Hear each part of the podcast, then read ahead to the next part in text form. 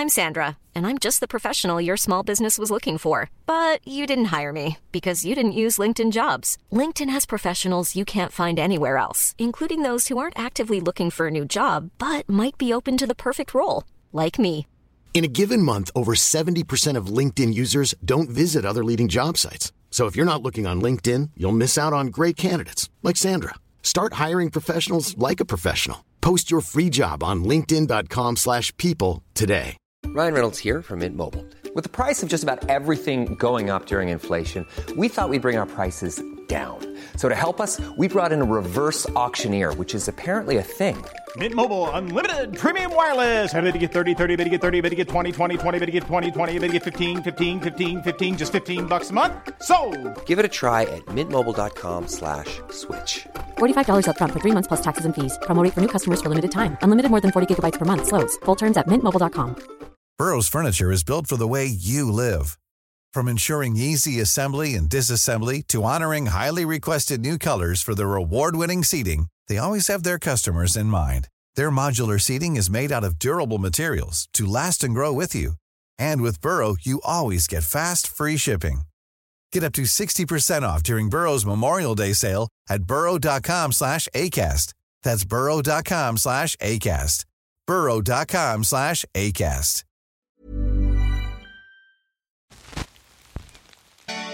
Man behöver inte acceptera allt som händer i livet. Man behöver inte ta in allting i hjärtat om man känner att man går sönder. Det räcker att man vet det intellektuellt.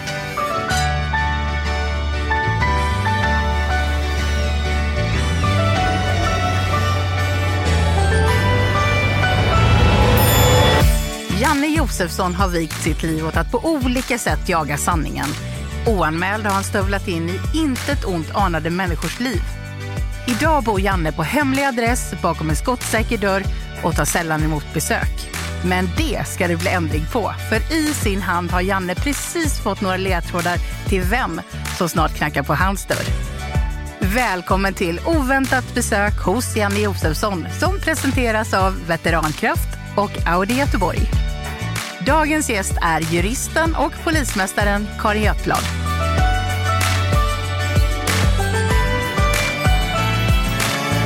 Eh, idag står vi ju inte utanför Jannes lägenhet utan utanför en studio. Hur kommer det sig? Ja, men jag... Mitt jobb är ju polis, polischef. Och då tänker jag så här att jag ska ju inte gå hem och knacka på hos folk eh, sådär utanför tjänsten utan att de vet om det. Det kan inte... Jag är lite försiktig med sånt. Man Ja. måste vara väldigt så här, eh, ansvarsfull när man har vissa maktbefogenheter. Nu har vi ju kört en hel del hemma hos mig. Så det har blivit en vana. Så nu känns det lite mera, vad är det här jag är med om? Men okej. Utbildade sig först till förskollärare men tog sedan en jurkand. Ja, jurist alltså. Har invigningstalat på Stockholms Pride. Har suttit tillfälligt i rullstol på grund av en olycka. Har sommarpratat i P1. Vunnit djurens rättspris. Guldråtta. Ehm, jag vet ju att han är journalist, Uppdrag granskning. Man kan väl säga att Janne Josefsson var pionjären när det gäller den här typen av program. Ehm, och sen är det naturligtvis så att jag eh, har kluvna känslor för det. För att jag tycker att det är viktigt och att det är bra att man granskar i en demokrati. är viktigare än någonsin nu. Men samtidigt så tycker jag också då att Janne har varit en av de som ehm, fick en utveckling där vi, tror jag, ganska många myndigheter då, upplevde att granskningarna inte var så där jätteobjektiva utan hade en vinkling. Beskrivs som modig men säger själv att X tränat upp sitt mod. Träna upp sitt mod? Hur fan tränar man upp? Antingen är man väl modig eller så är man inte. Är ointresserad av mat. Hur kan man vara ointresserad av mat? Bor i Stockholm. Har en gång fått sparken på grund av att X skyltade för roligt i skyltfönstret på ett konditori. Har en gång fått en häst av sina kollegor i present. Var bäst vän med Kristina Lugn. Har förlorat ett barn. Uff, jag bara ryser när jag läser det. Uff, fy fan. Starkt emot åldersdiskriminering. Det är en äldre människa tror jag. Annars är man nog för åldersdiskriminering.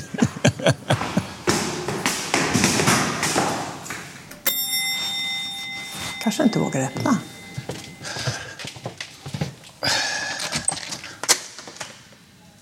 Har du vunnit Guldråttan? Hej! Nej men vad roligt! Jag har tänkt på dig nu de si- men det sista dagarna. Det är Ja, helt jag har fått. För det har stått så mycket om dig. Det har ju det. Kul att se dig. Kul att vara här. Men du har ju fått lite upprättelse, liksom att eh, det du sa för tio år sedan Ja, ja. Eh, säger de nu, eller hur? Ja, Åh, vad men jag är roligt, ingen vad långsint roligt, vad roligt.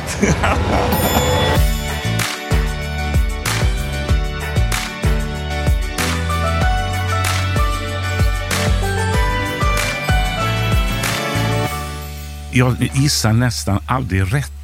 Nej. Och sen nu på ålderns höst, eller vad man ska kalla det, så har jag allt svårare för att hitta, eh, komma på namn. Ja, men det har Karin. Götblad eh, såg jag att du Ja, hette, och ja, det men jag är visste jag att du, att du gjorde. Jag att du heter det. Men du måste ha haft ett spännande liv. Men Oh du var, ja, du jag var har väl fortfarande chef för. Stockholmspolisen? Va? Ja, jag har varit polischef i 30 år. Ja. Nästan 10 år för Stockholms län. ja. Det var då Sveriges största polismyndighet. Det var då när polismyndigheterna var länsmyndigheter och egna myndigheter fortfarande. Ja. Under regeringen då. Så där hade jag ju 7 500 anställda. Ehm, Och då kom jag från Gotland där jag hade betydligt färre. Då. Kom du från Gotland? Ja, jag var på mitt första polischefsjobb var på Gotland. Jaha, Och det är därför du är väl- på Gotland ibland? Och, och, Ja, jag, du har jag, sommarställe där? Ja, det har jag. Jag är mycket på Gotland. Är du lycklig? Ja, jag är en väldigt privilegierad människa. Verkligen. Lever du själv eller lever du ihop med någon? Jag lever ihop med min sambo sedan 35 år. Sen 35 år? Ja, Och ni har det bra? mycket. Det här programmet görs ju hemma hos mig annars på Ja, mina ja men här är väl jättehemtrevligt. Men du ville inte det? Nej, nej jag, eftersom jag är polis, jag jobbar ju alltjämt Ja. som polischef, så tycker jag inte att det är så lämpligt att jag knackar på hos folk som inte har bjudit in mig och inte vet om det. Jo, men jag hade ju bjudit in det så. Ja, det- men du fattar vad jag menar. Ja, jag fattar man har det där att man är väldigt ansvarsfull med sina befogenheter. Och det finns ju så exempel på att människor har upplevt att de inte hade möjlighet att säga nej när ja. det var en polis som kom. Ja. Även om den kom bara som gäst. Liksom. Så man ska tänka på det. Jag såg det här, jag, så jag inte glömmer det, jag Ja. måste fråga dig. Du var bästa vän med Kristina Lugn. Ja, Hon var jäkligt speciell va? Ja, hon var intelligent och humoristisk och en mycket, mycket lojal vän. Vi träffades när vi var väldigt unga och småbarnsmammor. Mm, och hade en väl, ganska utsatt situation bägge två. På vad sätt?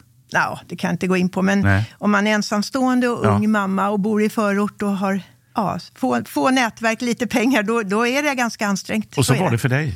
Och så var det för Kristina också. Ja. Så vi hjälpte varandra mycket och eh, vi var ju ensamstående mammor länge så vi, ja, barnen har vuxit upp tillsammans och sen är vi varit bästa vänner. Vi har många gemensamma intressen. Samhällsfrågor, rättvisa, kultur. Jag är ju väldigt intresserad av djur. Kristina var inte fullt så intresserad av djur men hon blev tvingad för hennes dotter var, blev väldigt intresserad tack vare att jag då var det. Är du mer intresserad av djur än människor? Absolut inte. Och det där är en ganska fördomsfull Ja, fråga. det För det är fördomsfull. ingen motsats. Tvärtom skulle jag vilja säga. Här står det att du är helt ointresserad av mat. Ja, totalt. Hur fasen kan man vara ointresserad av mat? Min pappa var Ja. kock eh, innan han blev Volvoarbetare och de få gånger på veckan han var riktigt lycklig, det var på fredagskvällar när han kunde Ja. köpa lite fisk och, och, och, och räkor och, och, och laga mat och dricka lite vitt vin. Där kände jag, där var pappa eh, glad och lycklig. Va? väl unt. Och jag tror att du är inne på rätt spår där med förklaringen. Jag är en väldigt privilegierad människa på så vis att jag har haft och har ett väldigt spännande jobb. Och, Ja. och många intressanta saker jag kan syssla med. Och en man som är min bästa vän och coach. Så att jag, jag, eh, då är inte jag så intresserad av mat, för det finns andra saker. Men jag äter väldigt mycket.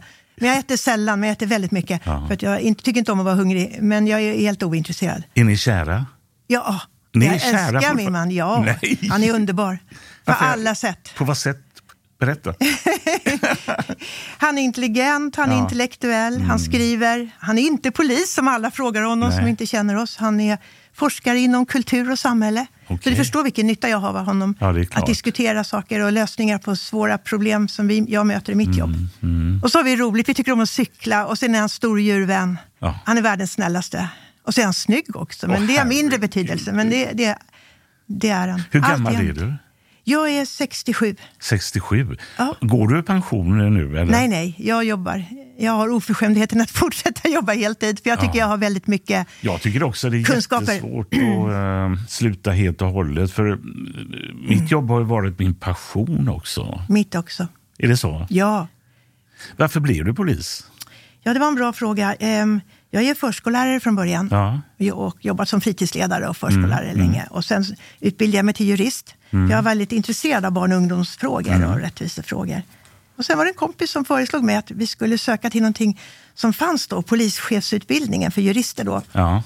Det var regeringen som antog dem när man behövde nya polischefer. Mm. Det var en jättefin utbildning. Man blev snabbutbildad till polis och fick jobba som det och som åklagare Mm. och som domare. Så att jag tänkte så här då, för jag var ganska kritisk på den tiden till hur polisen bemötte socialtjänsten och föräldrar. Det här var på 80-talet, alltså Mm. slutet på 80-talet. Så jag tänkte helt enkelt så här att polisen behöver mig.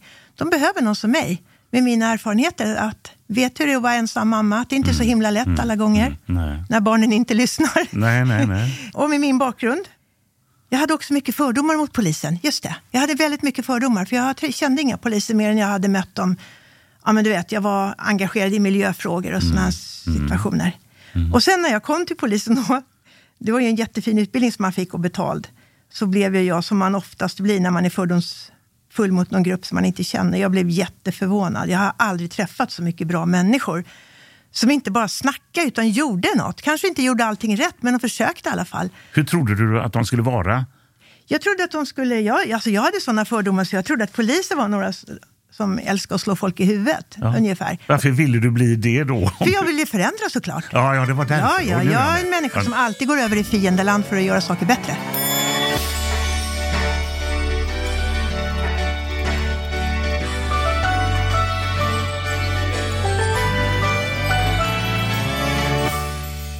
Hur ser du på det här med eh, polisens agerande vad det gäller Löving och detta? Hela det ärendet är ju väldigt, väldigt sorgligt. Mm. Och det är så här som det alltid är när det händer någonting så tragiskt. Eh, att man har alltid saker att lära sig. Ja. Ehm, jag brukar säga ungefär så här att vi, vi var många som ehm, försökte stötta Mats verkligen. In i det sista? Ja. Men det, men det räckte inte. Var du en av dem? Ja. Och det var, jag var inte på något sätt ensam eller den som var allra närmast. Men det är så när, när att man för, det är så svårt att förutse såna här saker. Mm. Och först efteråt förstår man att han hade behövt ännu mer stöd, såklart. En av mina bästa vänner, Mikael Syrén, var eh, han som eh, han är grävande journalist på Expressen. Ja, Det var han som avslöjade de här sakerna. Ja. Och han tycker själv att det är fruktansvärt jobbigt det här som har hänt. Ja, och jag har klart. försökt att stötta honom.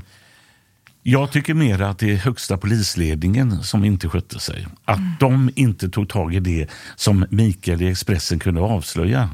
Håller du med mig eller inte? Du nickar Alltså, du vet, jag kan inte sitta och Nej. recensera människ- andra människor som inte är här i efterhand. Det går inte. Jag kan bara säga att alla har vi en ödmjukt förhållningssätt där vi tänker och jobbar med att ta till oss vad vi kan lära oss av det här. Ja. Och så är det alltid när en människa går bort på ett tragiskt sätt.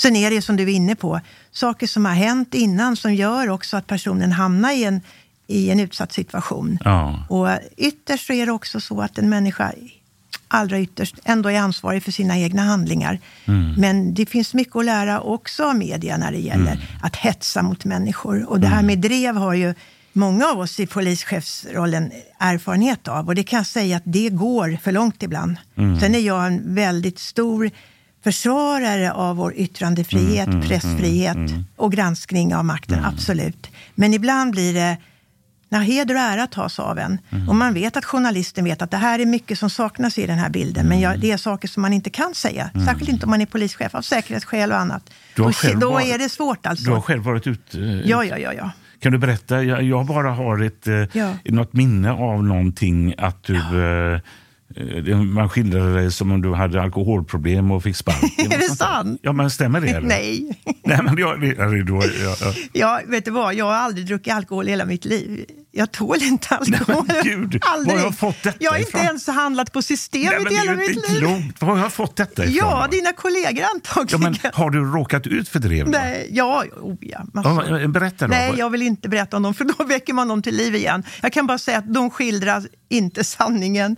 Och är man tvåa på sanningen så är man ju hopplöst förlorad när ett drev sätter igång. Så det, från att jag, när jag var yngre, försökte förklara saker. Ja. Och det blev bara värre. Då upprepades samma lögner igen i, i den tidning jag tänker på nu till exempel. Men vad är det värsta lögnen du har Så är jag liksom så att jag är bara tyst. Alltså det är så? Ja. Du är Alltså lite jag, jag, jag har varit med om att heder och ära tagits av mig för någonting som jag själv inte har beslutat och som beslutades om mig som person av säkerhetsskäl. Men jag kan inte gå ut och, i polemik om Eh, Var det. det då när du slutade som polischef i Stockholm eller du placerades om? Eller? Nej, jag har aldrig blivit Nej. omplacerad. aldrig någonsin. Mina förordnanden har gått ut och jag har sökt nytt jobb. Aldrig någonsin. Där ser du, vi, vi journalister Ja. vi har inte koll på någonting. Nej, Eller hur? verkligen inte. Men jag tror, Janne, du var ju en av dem som gick för långt i vissa fall. Om Nej, du ursäktar berätta. mig. Ja, det- det måste du kunna nämna. Nej, nej, men det har jag läst. Det kanske är journalister som är fel. Ja. Att, att det har hänt förfärliga saker med människor som du har granskat på ett för hårt och orättvist sätt. Ja. Vi behöver inte gå in på det, för jag ska Nej, inte alltså, granska eh, dig. Men man får ju- lyssna. Det Eh, där med ja. orättvist... det- Vänta lite, vänta, du får svara snart. Ja. Eh, Ja. Ja, men, och då tänker jag så här ändå att ehm, det viktiga är väl att man lär sig av det. Och jag läste en väldigt bra intervju med dig där du var väldigt ödmjuk och sa att, ja, precis som jag sa nu här, med facit i hand. Ja. Och det är viktigt att man tar till sig det. Och så samtidigt är det här en balansgång hela tiden, Ja, eller hur? ja. Och aldrig inte så att en person är ansvarig för det som hänt, utan det är, Ja, det är kedjor av saker. Ja. Du vet när vi har gjort om mutskandalen Mm. eller valstugereportaget och sådana här saker. det får det. fruktansvärda konsekvenser. Och Ja. också det här med att eh, familjen och barnen kan drabbas. Ja. Men samtidigt kan man inte undvika Nej. det helt och hållet. Nej, Journalistkåren har ju ett allt sämre förtroende. Ja, vet du vad? Jag brukar faktiskt ta upp det ibland när jag får frågor från journalister Ja. om förtroende för polisen. Att Ja. Polisen ligger väldigt högt i förtroendeundersökningar, Ja. alltid. Och det finns olika alltså förklaringar också till det såklart. Ja. Men vi ligger alltid högt och bland de allra lägst ligger journalistkåren. Ja, och det är väldigt bra att kunna säga till Ja. er när ni ställer den till svars. Ja, sådär. ja, ja, Ehm, ja. Och jag tänker, någonting som jag hör från mina medarbetare, Ja. poliser, det är att de ibland har eller känt så här att Åh, nu har vi verkligen ställt upp på det här granskningsprogrammet eller något, något annat. Och sånt här. Det finns ju många olika varianter. Mm, Ja. Och visat och eh, förklarat hur det, och sen så kommer det, och jag ska inte säga att det alltid är så, det är det verkligen Mm. Nej. inte. Men sen kommer något jättevinklat och då, då känner de så här, aldrig mer. Ja, ja. Om du skulle förklara vem du är på en eller två meningar, vad skulle du vilja säga då? Du har ju berättat lite, men om du skulle vilja... Jag är en, väl, jag är engager, en engagerad Ja. person. Ja. Ja, Men jag har svårt att inte engagera mig i Ja. orättvisor. Det kan man jag nog säga har varit en Var, var röd kommer tråd. det ifrån då? Jag är uppvuxen i en familj där Varför mina familj? föräldrar var ideellt engagerade, Rädda Barnen, Ja, ja. politiskt. Vi hade alltid diskussioner vi, Ja. hemma. Och sen hade jag väldigt tillåtande föräldrar. Mm. De jag brukar säga som ett tips i barnuppfostran. De sa alltid så här till mig, om jag frågade någonting, jag ville göra något, så fick jag alltid det. Hur liten jag än var. Min, Jag Mm. blev väldigt irriterad för mina kompisar kom alltid tillbaka och sa, nej jag får inte för mamma eller något sånt där. Mina föräldrar sa alltid så här, det där bedömer du bäst själv Karin, du är så klok. Alltså det sa de till mig redan när jag var sex sju år. Och ibland kan jag ju känna, eller jag vet, att jag fick väldigt mycket ansvar. Men det är en ganska bra sak, för det har inte att göra med om man är klok eller inte. Om man säger så, så, så blir barnet... Vilken samhällsklass kommer du ifrån? Jag med, mina föräldrar var inte högskoleutbildade. Utan, Nej. du vet, medelklass som börjar få det bättre. Pappa hade ett litet elföretag och sen Ja, flyttade vi ja. ut på landet som Mm. gröna vågare. Och Ja. Mamma var hushållslärare. Ja. Ja. Jag känner eh, den sista kvarterspolisen här i Göteborg. Jaså? Ulf Boström heter han. Ja, jag känner nog igen det namnet. Ja, en väldigt sympatisk och Mm. väldigt eh, bra person. Och han, eh, han tycker ju att eh, man skulle ha tillbaka kvarterspoliser. När jag växte upp i Ja. Biskopsgården så fanns det ju kvarterspoliser. Ja. De visste namnen på oss Ja. och vi visste namnen på vad de hette. Mm. och sånt där. Medan idag när det kommer in poliser, det är ju som militärer. Och jag kan förstå det i någon bemärkelse men eh, eh, Jag håller med dig om att vi, det vi behöver nu är lokal närvaro av poliser. Poliser som man lär känna. Så att vi hoppas Nu är det ju så stora problem med kriminalitet. Ja. Och då är det så, tyvärr så här att då måste det till massa repressiva saker. Vi måste få hejd på en utveckling där människor bara slaktas. Men det är inte lösningen långsiktigt. Det är att ha lokalt närvarande polis som människor lär känna. När jag var länspolismästare i Stockholm då öppnade jag 26 små poliskontor i de mest utsatta områdena. 26 stycken med sex poliser i varje. det, det och de hade ihåg. två uppdrag. Upprätta respekt för lag och ordning, Ja. bygg förtroende Ja. med de medborgare. Och du kan ju bara ja, tänka dig hur mycket saker de här poliserna fick reda på. Alltså de avstyrde brott, de kände människorna och människorna som var rädda för polisen, de lärde ju känna de här så de vågade gå och tala om vem som hade bränt ner skolan och sådär. Samtidigt har det väl gått så långt så att det, det, det är nästan en illusion att tro att vi kan få tillbaka Inte det. på samma sätt, men, Nej, jag men vi måste också, vara där. Är, de, är man för mycket kompisar Ja. då blir det ju lite korruption. Det är Fast också är- om man är nej, samma nej. släkt. Och, Ja, men vi är professionella, så, det är så, så Ja. jobbar vi inte. Men däremot så är det ju hot och sprängningar. Så att idag skulle nog de här poliskontoren ha sprängts. Varenda morgon man vaknar nu nästan Ja. Så är det skjutningar, mord, sprängningar. Vad fasen gör vi nu alltså? precis som du var inne på när jag kom hit, så lämnade jag en utredning för 13 år sedan Ja. där jag precis tyvärr förutspådde detta. Eh, och det föll in. Men jag inte bara beskrev saker, utan jag lämnade konkreta förslag. Jag är en människa som är väldigt pragmatisk. Vackra ord och planer, det hjälper inte, utan det är vad man gör som räknas. Så ett antal förebyggande saker som tajt krokade i varann. Bland annat satsningar på pojkar som inte klarar skolan och som inte hade jobb i förort. Direkt riktade satsningar på att de skulle få yrkesträning, också få tränas i demokrati, i att inte falla in i kriminella värderingar. Eh, en mängd saker ett, som vi vet ger effekt om man håller i och håller ut. Men det måste riktas till de som behöver det. Det är dit vi måste rikta saker. Men det var ju det du sa då för länge sedan. Eh, Var det nästan 15 år sedan sa du? Mm. Ja. 13 år sedan. Är det inte för sent nu nästan? Jo, Alltså, man kan nu säga är, så är här. det så grovt. Ja, alltså. precis. Man kan säga att så mycket har hänt, så nu behöver vi tyvärr en massa repressiva saker så att vi kan stoppa de här fullkomligt livsfarliga, empatistörda, jag tvekar inte att säga det, Hur gör vi det? eh, ungdomarna. Hur gör vi det? Ja, det- man kan säga så här. Det, jag vill understryka att de allra flesta barn och ungdomar blir inte kriminella. Och det gäller även de barn och unga som bor i de mest utsatta kriminella områdena. Viktigt att komma ihåg. Och forskning visar att socioekonomisk låg status, du vet, låg utbildning, låg ekonomi, bara har en liten förhöjd risk att bli kriminell. Så de, det är inte så att man är destinerad att bli kriminell för att man har växer upp i de här områdena. Men av de som blir väldigt grovt kriminella så har de ofta vuxit upp i de här miljöerna. Och det man också ser är att det är konflikter hemma. Man har svårt att lära sig rätt och fel, om jag ska förenkla det, med normgivningen. Ja. Den lilla grupp har blivit mycket värre. Och det är ju kulturkrockar också. Ja, Det det är det. Det krockar. Ja. Kulturer krockar. De här barnen har ofta föräldrar som inte är orienterade i det svenska samhället. Hur ska de kunna hjälpa barnen? Ja. Och det här menar jag med träffsäkra insatser, att man måste satsa på de här barnen tidigt. Och föräldrarna. För det involverar man föräldrarna medan barnen är små, då blir inte föräldrarna lika rädda för socialtjänst och skola. Då är chansen att få med dem mycket större. Och man måste ställa krav på dem också. Alltså det är inte bara hjälp Nej, och stöd, det är nej, också nej. sluta med det här, sluta knarka, Mm. sluta slåss. För de här barnen är uppväxta i familjer med våld. Men när det nu kommer fram, Ja. Karin, att man inte lyssnade på dig för 13 år sedan. Varför gjorde man inte det? Det är tyvärr så här ofta som vi kan se, vi har ju miljöfrågorna inte minst nu, eh, att man tar inte problem på allvar förrän de är ett faktum som är så tydligt så att det inte går att bortse ifrån det. Och då har det ju gått så långt. Och då blir det så mycket svårare att vända och så mycket dyrare och så mycket mer lidande. Och så kan vi ju se ett antal frågor. Eller hur? Jag har ju eh, tänkt samma sak. Jag har försökt att varna, för jag har ju sett Ja, det här. ja. För vad är det väl... eh, Ja, det har du gjort. Och Ja, du har gjort var- program om det. Ja, Bra. för nästan 25 år sedan gjorde jag Fittja Paradiso. Precis.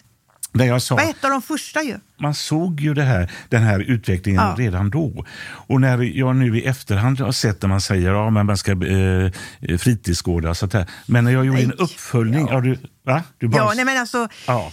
Ja, men Du skakar på huvudet Nej, bara. men jag bara säger så här, Ja. det här fritidsgård, Ja. de här, nu har vi ju, du vet, Ja, jag- jag ska bara- tonåringar som mördar, det avhjälps inte med fritidsgårdar. Nej.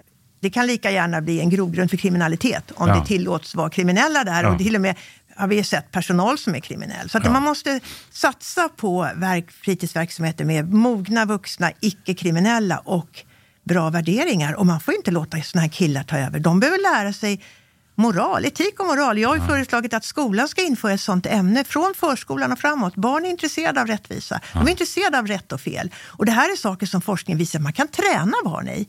Och då får de mycket starkare motståndskraft när de här kriminella kommer och försöker locka med dem. Då dras de inte med lika lätt, utan kan säga nej. Du låter ju väldigt övertygande och... Ja, eh, jag vet vad jag pratar om. du sagt, men jag tänker så här, det har gått så långt Ja. eh, i Sverige nu att vi kan ju inte komma tillbaka. Nej, till nej. Alltså man måste tänka på, nu, om man pratar om den stora Ja. massan som jag Ja. gör nu, eller om man pratar om den lilla, jätteallvarliga, Ja. förskräckliga. Jag brukar säga så här, det är inte vilken tonåring som helst som mördar sin kompis som vi har nu. Vi har 14-15-åringar som lurar barndomsvänner i fällor så de vet att de blir mördade. Ja, ja. De kriminella behöver inte rekrytera de här unga personerna, de hör av sig själva. Mm. De står på kö, 13-14-åringar, och vill mörda, erbjuder sig att göra det gratis. Och då menar jag, då är man djupt empatistörd. Ja, det är klart. Men Och då finns... måste man låsa in de här personerna. Det finns inget annat.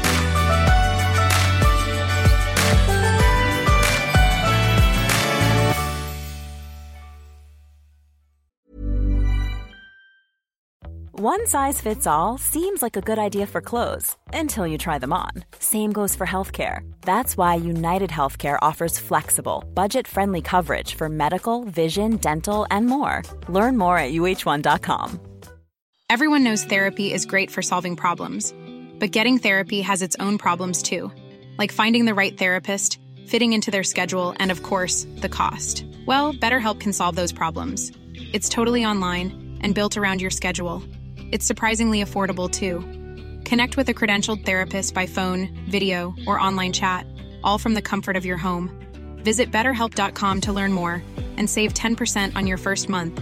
That's BetterHelp H E L P. Burrow is a furniture company known for timeless design and thoughtful construction and free shipping, and that extends to their outdoor collection. Their outdoor furniture is built to withstand the elements, featuring rust-proof stainless steel hardware, weather-ready teak, and quick-dry foam cushions. For Memorial Day, get 15% off your Burrow purchase at burrow.com slash ACAST and up to 25% off outdoor. That's up to 25% off outdoor furniture at burrow.com slash ACAST. Karin, du, du har sagt att det, det bästa som har hänt är dina barn, det är din man, det är kärleken och sånt här. Men det värsta som har hänt vågar jag knappt fråga, men du har förlorat ett barn. Ja, och jag vill inte sitta och prata om Nej. det, för jag tycker inte om när människor använder det som underhållning. Men jag vet vad det Nej, innebär. underhållning, det är ja, det nej, men förlåt, Ja, ja, det var fel ord av mig. Men ja, du vet, hur som helst. Ja. Men jag kan säga att jag... ehm, nej, men jag vet, det som jag bara kort brukar säga, det är att jag, jag vet vad det innebär att ha, få en förlust som är helt oacceptabel. Och till människor som får det brukar jag säga att man behöver inte acceptera allt som händer i livet. Man behöver inte ta in allting i hjärtat om man känner att man går sönder. Det räcker att man vet det intellektuellt. Och så kan man faktiskt vända den ilskan, den orättvisan som man ofta känner med den personen till en drivkraft att försöka, att man blir modigare att göra saker som man tycker är viktiga och rätt. Och det går att leva ett bra liv ändå. Har du kunnat göra det, menar Ja, du? ja, jag tycker verkligen det. Sen var det på inget sätt värt priset som du säkert nej, förstår. nej, det är klart. Eh, Men det är därför jag också vet det här att man kan anstränga sig som förälder och göra allting man tänker och tror. Men man får inte facit förrän efteråt. Och ibland så förstår man inte saker förrän det är för sent. Nej. Fast man vill göra det bästa. Är du säker på detta du säger nu, att du har kunnat Ja, ta det här? jag är en stark person som betyder mycket och har gjort stora förändringar och insatser och blir lyssnad på. Det är jag väldigt glad för. Eh, och jag Att du är använder en stark person, Ja, ja. Att jag använder min ilska till att försöka göra bra saker. Det, Vad är det bästa och du har gjort då? Vad är det bästa du har gjort? Det är mitt tips till människor. Ja. Bli, bli inte bittra. Och det gäller även om man Ja. inte kanske får det jobb man vill ha Nej, eller den nej. man eller kvinna man vill ha. Bli inte bittra. Utan använd det istället som en motor Mm. och växla upp. Ja. Är du något att ångra då? Ja, men jag är inte sån människa. Jag är varken, när folk frågar mig om jag är stolt över någonting, ingen aning, så jag tänker inte så. Och jag ångrar inte, jag tänker inte så. Det är väl klart att det antagligen är, såklart. Eh, Men jag är ju lagarbetare. Mm. Så det är aldrig så att jag kan säga det där gjorde jag. Utan jag är stolt över att jag har fått tillsammans med många människor påverka saker bra. Mm. Och göra bra saker. Och att jag bor i ett land som Sverige där man faktiskt kan påverka situation. Och det säger jag till såna här killar. Mm. Hallå där! Och det är även till vuxna. Mm. Jag tycker inte om när man pratar om barn och unga som att de saknar livschanser i de här områdena. I ett land som Sverige saknar man inte livschanser. Man kan påverka sin situation. Och det är det de här pojkarna som det handlar om behöver höra. Du kan påverka din situation och vi vuxna ska peka ut och hjälpa till. Sänka trösklar, peka ut vägar. Livet är inte lätt, det är det inte för någon. Men man måste kämpa. Och alla kan göra något. Så när jag hör också människor så som beklagar sig över hur fruktansvärt allt är och Mm. hur dåliga myndigheterna är, så säger jag, men vad, vad gör du själv? Mm. Alla kan göra någonting. Mm. Du kan bli kontaktperson för en ungdom som är vilsen. Alla kan göra Har du varit det? Ja, om alla gör någonting litet så betyder det jättemycket och då påverkar det hela mindsetet, för att använda ett modernt uttryck i Ja, samhället. ja. Att man tänker inkludering hela tiden. När jag pratar med näringslivet säger jag, fixa inte sommarjobb bara till dina vänners barn. Tänk på vilka barn som har föräldrar som saknar nätverk och erbjud dem sommarjobb. Om vi alla liksom hjälps åt och gör sådana saker så får vi ett samhälle som är inkluderande och det har vi inte idag. Och det är mycket grundorsaken till brottsligheten, att det har fallit sönder så. Både du och jag är ju uppväxta under en tid där eh, åkte vi utomlands som man sa om man kom från Sverige. Liksom, Ja. Liksom var, vi var ju kända för att vara föregångare i så många avseenden. Alltså, vad är din förklaring att jag, att det har blivit så jäkligt som det har blivit? Var ärlig nu. Att vi har så mycket organiserad brottslighet, för det är det. Ja. Ehm, det finns ingen enkel förklaring och det vet ju du också, det är komplext. Mm, ja. Och det är alltid lätt att man pekar ut olika grupper. Men vi kan väl säga att vi har ett samhälle som är alldeles för segregerat. Vi har stora grupper som lever i samhällets utkanter och det är alltid farligt. Och det har ju vi har ökat. inte, ja, och vi har inte stått upp för våra grundläggande värden som vi har i en demokrati. Till exempel män och kvinnors lika värde, pojkar och flickors lika rättigheter. Vi är för försiktiga och vi tassar runt problemen och det har vi gjort också när det gäller det som drar i organiserad brottslighet. Vi behöver mycket, mycket modigare politik. Jag tycker att många saker är på gång nu. Bra saker från regeringen. Men det är ju en säga det. kulturfråga också. För, Ja, det är det. Och då måste vi ta i de frågorna och vi måste också ställa krav på, Varför på de har vi människor inte som kommer gjort hit. det? För vi är rädda att, ans- att vara fördomsfulla, att vi har respekt för andra människors kulturer och för mycket Ja, ibland. men det ska man väl ha i och för sig, men det, Ja, det får ju vi har finnas svårt gränser. att balansera det där, eller Ja, hur? ja. Och sen finns det säkert andra saker som krockar. För jag tänker att vi har många grupper som vi har, eller några grupper som vi har lite extra stora problem med när det gäller våldsbrott. Mm. Och som inte har det problemet i andra länder som de har integrerat, till exempel Storbritannien har Mm. inte alls det problemet. Så vi har också någonting att lära av krocken mellan svensk Mm. kultur och till exempel människor som kommer, har kommit till stora migrantgrupper. Hur vi Mm. hanterar det. Det arbetet har vi kvar. Och det är väldigt bra att vi har tagit emot stora grupper som behöver hjälp och stöd. Men Mm. vi måste integrera dem och vi måste också våga ställa krav på människor. För det har fått eh, allvarliga konsekvenser att vi inte har gjort det. Med. Ja, det har det. Och i Sverige brukar jag säga, i Sverige gäller svensk lag. ja, det är Och egentligen det en gäller för alla. Ja. Mm. Till exempel ska vi inte acceptera aga, barnaga. Nej. Och då måste, vi jobba, då måste vi faktiskt informera tydligt om det. Det finns massa föräldrar som kommer hit från kulturer där det fortfarande är naturligt och som inte vet om det. Och vi är så försiktiga med att, att säga det. Varför har du vågat säga det då? Ja, men jag vet vad jag pratar om. Jag vet att jag inte är rasist eller fördomsfull. Och jag vet vet, också vad det innebär. Hur kan du vara säker på det? Jag har koll på mig själv. Jag är kunnig. och jag har många bra vänner som ställer kritiska frågor till mig. Ja, det går ju inte att jobba som jag gör om man inte har det. Nej.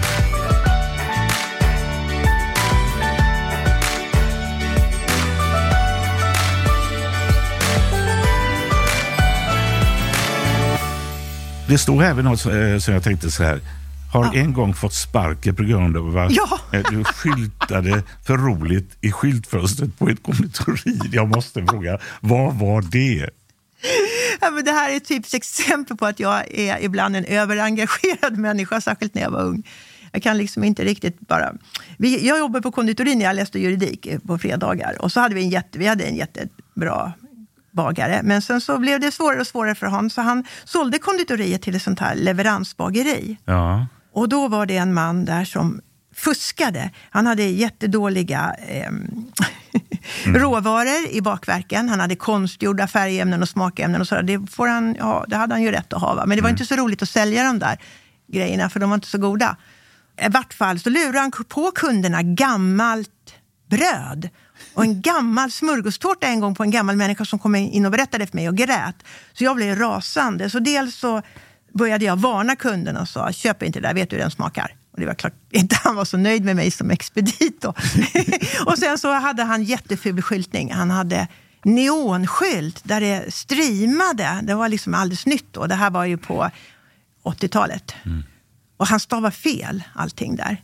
det var ju ganska pinsamt. Alltså du hade gjort det? Nej, han stavade fel. Streamade. Så ja. jag påpekade det för honom. Och sen så skyltade han jättetråkigt. Och jag är lite så här konstnärligt intresserad mm. person. Så jag gjorde väldigt fina skyltningar och byggde små berg och bullar och mm. tårtor och sånt där. Mm. Och han blev skitarg och jag fick sparken för alltihop, hur jag var. Ja. Var det så farligt det du hade gjort? Då? Ja.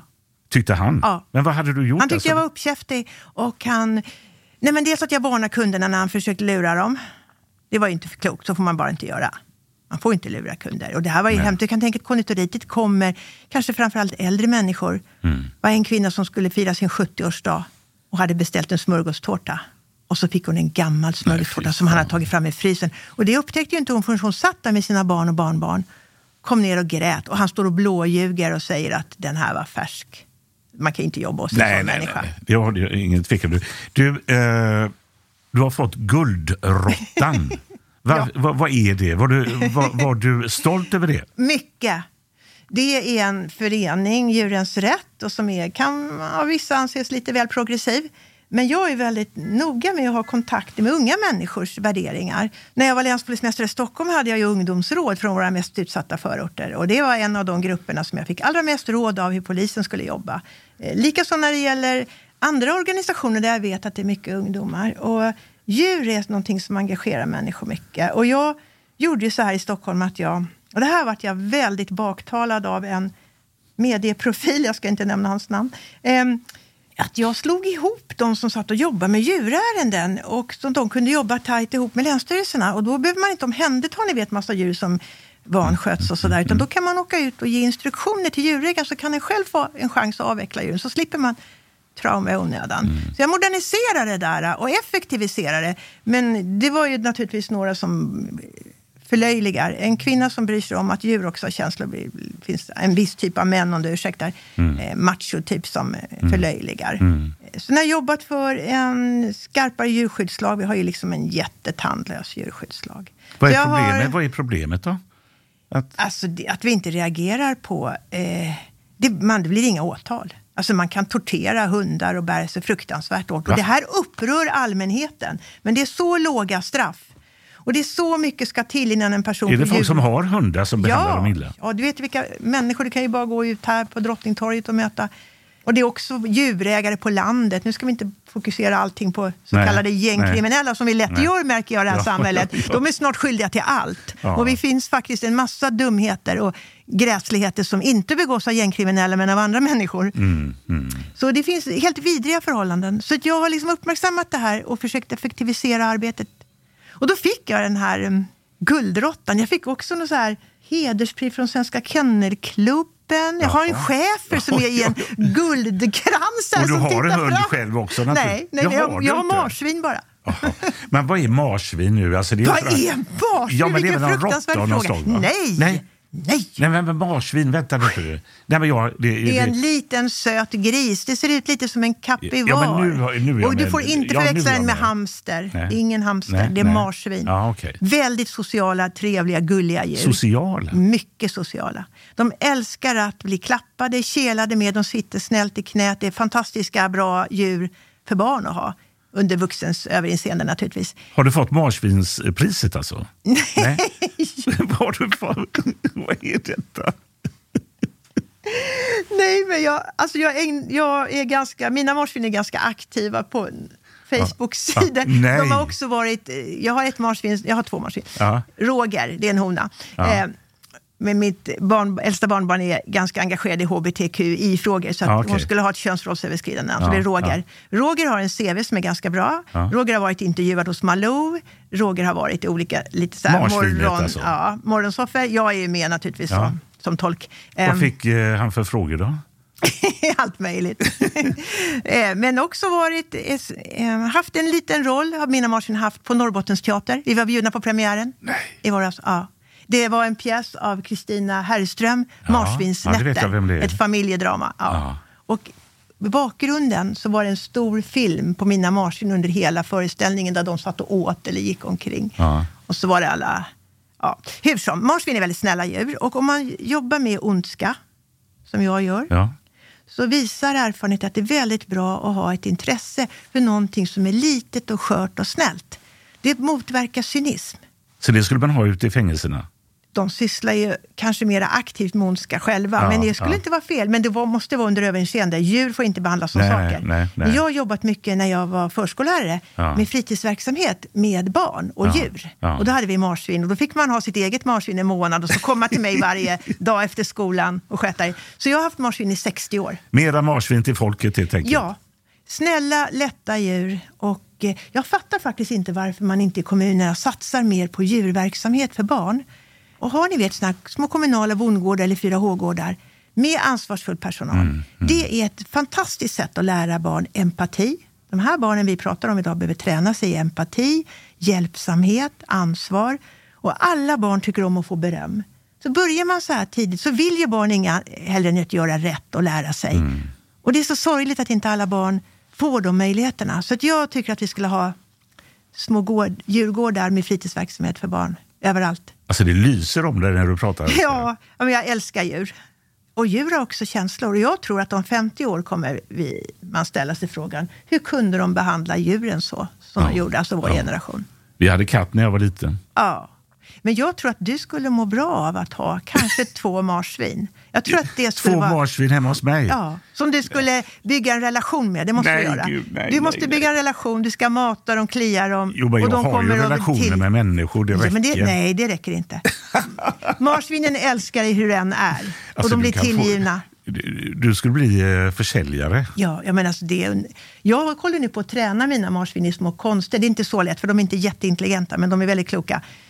Jag har en dröm att jag ska uppträda på Medeltidsveckan på, i Visby Ja. nästa år med mina marsvin. ja, men det måste du göra, lova mig. Jag kommer ta har mig dit och inte riktigt titta. tålamodet.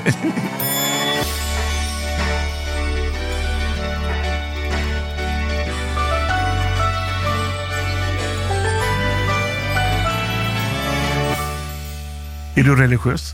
Nej, Inte alls? nej. Jag är Nej, uppfostrad är det- av religiösa föräldrar. Jaha. Så jag vet, Nej, jag risk, jag vet riskerna med det. Jag blev uppfostrad att allting har en Ja, mening. ja. Gud har en plan. Och jag levde efter det och det gjorde att mitt liv höll på att sluta i katastrof när jag var ung. Bara för jag trodde att Gud hade förutbestämt allt. Så jag lät bara saker hända. Tills en dag hände någonting som gjorde att jag förstod att Gud inte fanns. Vad var det?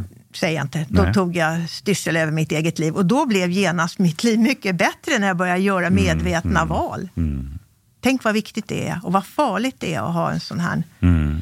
så som jag hade det. Så kanske har naturligtvis inte alla är religiösa inte så Ja. enfaldiga jag som har jag var. varit men- med och eh, granskat både Ja. katolska kyrkan, Ja. Jehovas vittne och alla de här. Ju... Men samtidigt eh, har jag respekt för människor som har Ja, en tro eller hur? naturligtvis. Det har man också. Även om jag inte har det. Så här, va? Jag tycker det där är svårt. Vad är ditt största mål nu i livet?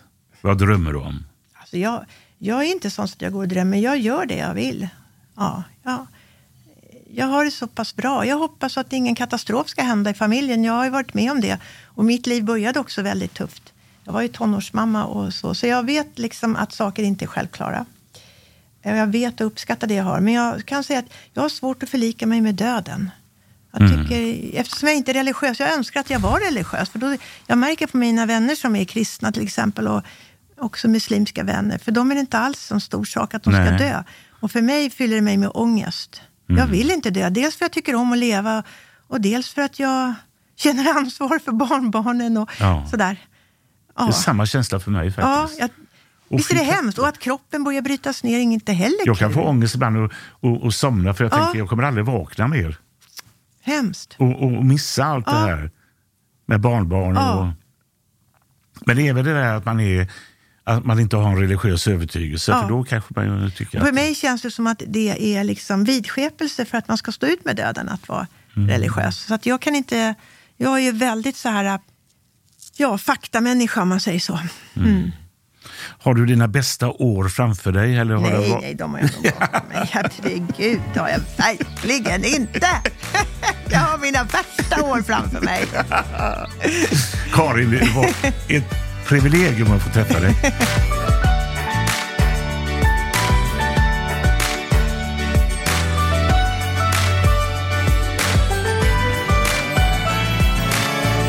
Nej, men han var ungefär som jag trodde. Kanske lite trevligare trots allt. Jag tyckte, jo, det är en sak som jag tyckte var bra. Att vi pratade om viktiga saker. Han hade humor. Och sen att man kunde ta upp, att jag kunde ta upp saker jag var kritisk till när det gäller hans rapportering och kontra polisverksamhet och saker som har gått för långt. Det tyckte jag vi hade ett bra samtal om. Han gick inte i försvar. tyckte jag var jättebra. Så jag tycker vi fick till ett riktigt bra samtal om det här med att balansera kritisk granskning han verkar inte vara så djurintresserad. Det gjorde mig lite besviken. Att han inte var mer intresserad av djur. Han skulle må bra av det. Han bodde ensam sa han. Jag tyckte han hade en liten sorgsen ton där när han sa det. Det skulle också ta fram de mjuka sidorna hos Janne. Och hans kärleksfulla strängar skulle få lite så här, äh, ännu mer näring av två så underbara djur som två marsvin. Det finns bara gott i marsvin. Och där skulle de kanske ha ett bra inflytande på det, det goda i Janne. Jag hade inte kunnat föreställa mig att hon var den som kom. Men när jag såg henne så blir jag jätteglad direkt. För jag har tänkt på henne de sista dagarna för att hon var med i tv. Hon är ofta med bara när hon svarar på frågor om kriminalitet och hon, har, hon är i chefsbefattning och lite försiktig. Nu visar hon upp sitt liv, sitt sätt att vara som människa och sin historia och vad det var som eh, leder henne fram i livet och inte. Och det där är ju alltid spännande, vilken människa det än är. Men här var det riktigt, eh, så vi kände ju att eh, vi var jäkligt lika av någon anledning. Och det är vi nog. Thank you for listening to this Polpo original. You've been amazing. Hey, it's Danny Pellegrino from Everything Iconic. Ready to upgrade your style game without blowing your budget? Check out Quince. They've got all the good stuff shirts and polos, activewear, and fine leather goods, all at 50 to 80% less than other high end brands. And the best part? They're all about safe, ethical, and responsible manufacturing. Get that luxury vibe without the luxury price tag. Hit up quince.com slash upgrade for free shipping and 365 day returns on your next order. That's quince.com slash upgrade.